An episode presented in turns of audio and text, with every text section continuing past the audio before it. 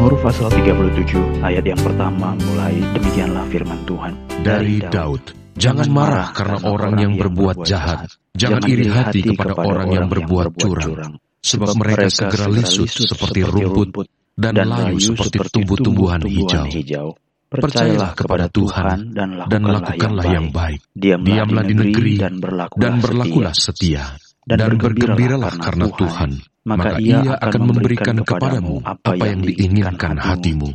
Serahkanlah hidupmu kepada Tuhan dan percayalah kepadanya, dan ia akan bertindak. Ia akan memunculkan kebenaranmu seperti terang dan hakmu seperti siang. Berdiam dirilah di hadapan Tuhan dan nantikanlah dia. Jangan marah karena orang yang berhasil dalam hidupnya, karena orang yang melakukan tipu daya. Berhentilah marah dan tinggalkanlah panas hati itu. Jangan marah, itu hanya membawa kepada kejahatan.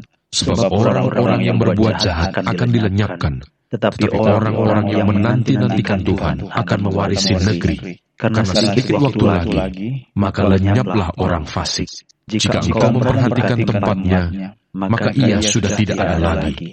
Tetapi orang-orang yang rendah hati akan mewarisi negeri dan bergembira karena kesejahteraan yang berlimpah-limpah. Orang fasik merencanakan kejahatan terhadap orang benar dan menggertakkan giginya terhadap dia. Tuhan menertawakan orang fasik itu sebab ia melihat bahwa harinya sudah dekat. Orang-orang fasik menghunus pedang dan melentur busur mereka untuk merobohkan orang-orang sengsara dan orang-orang miskin, untuk membunuh orang-orang yang hidup jujur. Tetapi pedang mereka akan menikam dada mereka sendiri, dan busur mereka akan dipatahkan. Lebih baik yang sedikit pada orang benar daripada yang berlimpah-limpah pada orang fasik. Sebab lengan orang-orang fasik dipatahkan, tetapi Tuhan menopang orang-orang benar. Tuhan mengetahui hari-hari orang yang saleh, dan milik pusaka mereka akan tetap selama-lamanya. Mereka tidak akan mendapat malu pada waktu kecelakaan, dan mereka akan menjadi kenyang pada hari-hari kelaparan. Sesungguhnya orang-orang fasik akan binasa. Musuh Tuhan seperti keindahan padang rumput. Mereka habis lenyap, habis lenyap bagaikan asap.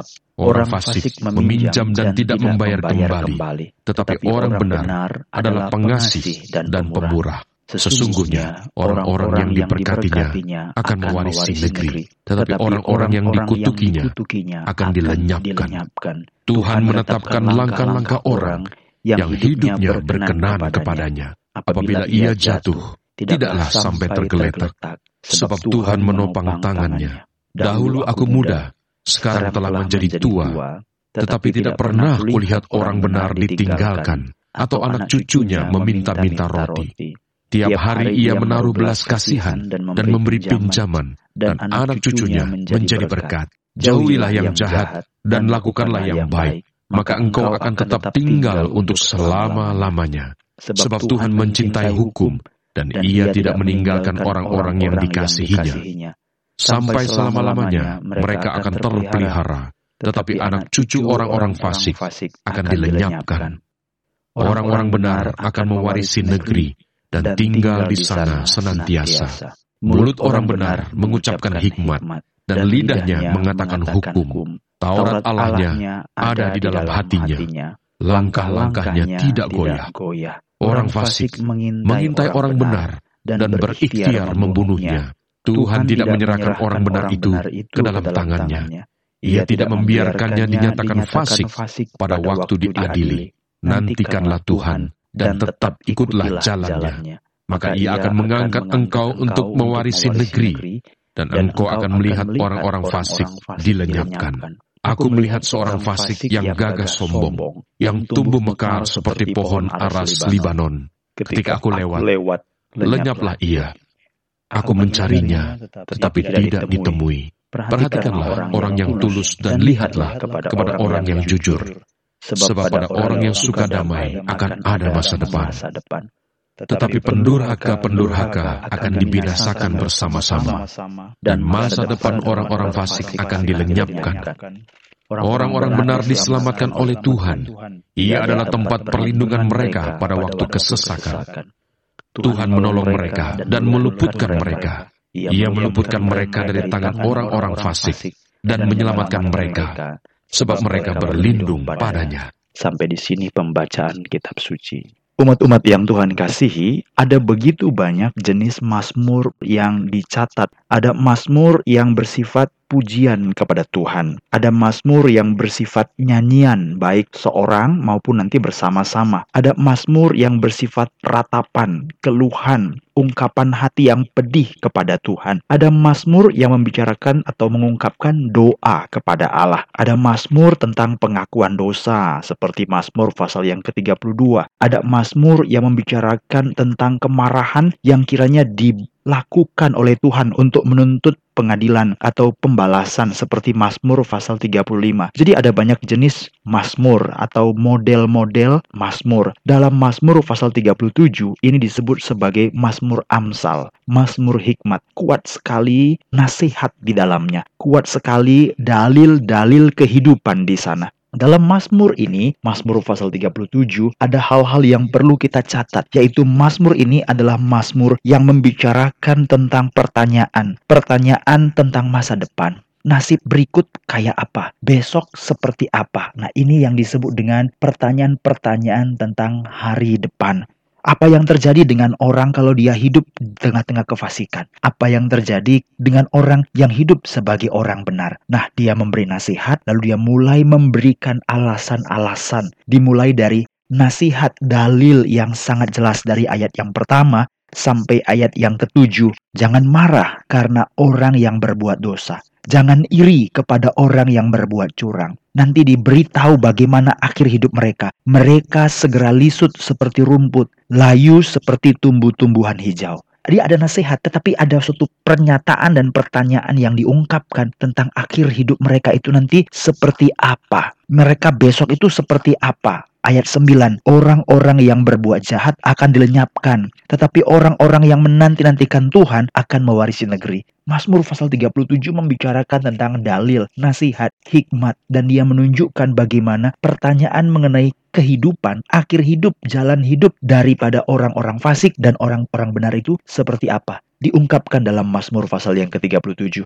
Oleh sebab itu umat-umat yang dikasih Tuhan, waktu kita membicarakan Mazmur ini, mari kita melihat bagaimana Allah sedang menunjukkan kepada kita sesuatu perjalanan yang sangat luas supaya memberikan kepada kita kepastian, jaminan. Ini bukan tentang perasaan saya, ini bukan tentang kemampuan saya untuk melihat sesuatu, tetapi Allah memberikan jaminan bahwa apabila engkau hidup dalam Tuhan, dalam takut akan Tuhan, maka engkau akan melihat perbedaan dengan orang-orang yang fasik. Lihat sekarang, lihat sekarang karena kita masih hidup. Karena kalau kita sudah mati, kita tidak bisa lihat hidup kita kan. Jadi lihat sekarang, lihat sekarang. Maka disebut dalam Mazmur pasal 37 ayat yang ke-37, perhatikanlah orang-orang tulus dan lihatlah kepada orang jujur. Mumpung kamu masih hidup, kamu lihat, kamu bisa jadi saksi mata untuk melihat bagaimana orang-orang fasik akhir hidupnya dan untuk melihat orang-orang benar, orang tulus, orang jujur akhir hidupnya bagaimana. Tuhan memberikan kepada kita pengertian. Pengertian itulah sebabnya Mazmur pasal 37 merupakan mazmur yang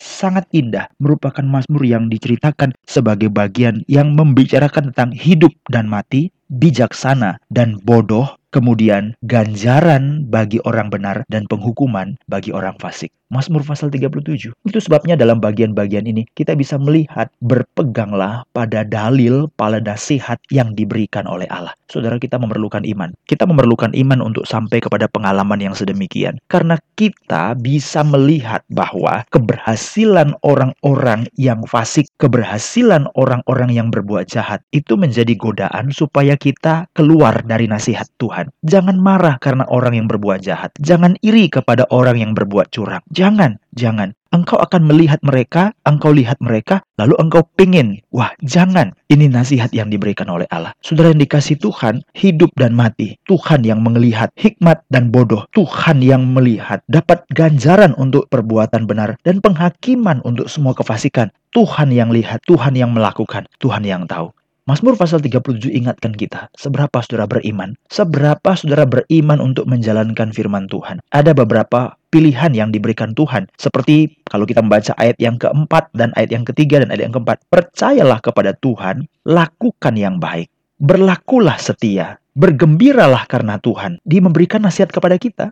Jadi Alkitab hendak mengatakan daripada engkau mengasihani dirimu sendiri, daripada engkau menjadi orang yang membenci dirimu sendiri, daripada engkau menjadi orang yang menolak nasibmu sendiri, kenapa aku malang, kenapa jalan hidup susah, kenapa aku tidak sama seperti orang lain, daripada kamu berpikir seperti itu, marilah kamu kembangkan hikmat untuk takut akan Tuhan. Sama seperti olahraga, saudara-saudara. Kalau saudara olahraga, olahraga, angkat beban, angkat beban, saudara sedang melatih untuk mengangkat beban, nanti otot-ototmu akan terbentuk, begitu kan? Demikian juga Tuhan meminta supaya kita memiliki sesuatu exercise, sesuatu kegiatan, suatu upaya, suatu jalan-jalan hidup, suatu pikiran, suatu kehidupan yang mengembangkan takut akan Tuhan. Percayalah kepada Tuhan, lakukanlah yang baik, berlakulah setia. Ayat yang keempat, bergembiralah karena Tuhan Serahkan hidupmu kepada Tuhan. Ayat 5. Percaya kepadanya. Kita diminta untuk mengembangkan hikmat takut akan Tuhan. Itu sebabnya saudara-saudara kalimat-kalimat Mazmur pasal 37 penuh dengan nasihat-nasihat. Hal-hal yang diberikan kepada kita untuk memperingatkan kita menjalani kehidupan.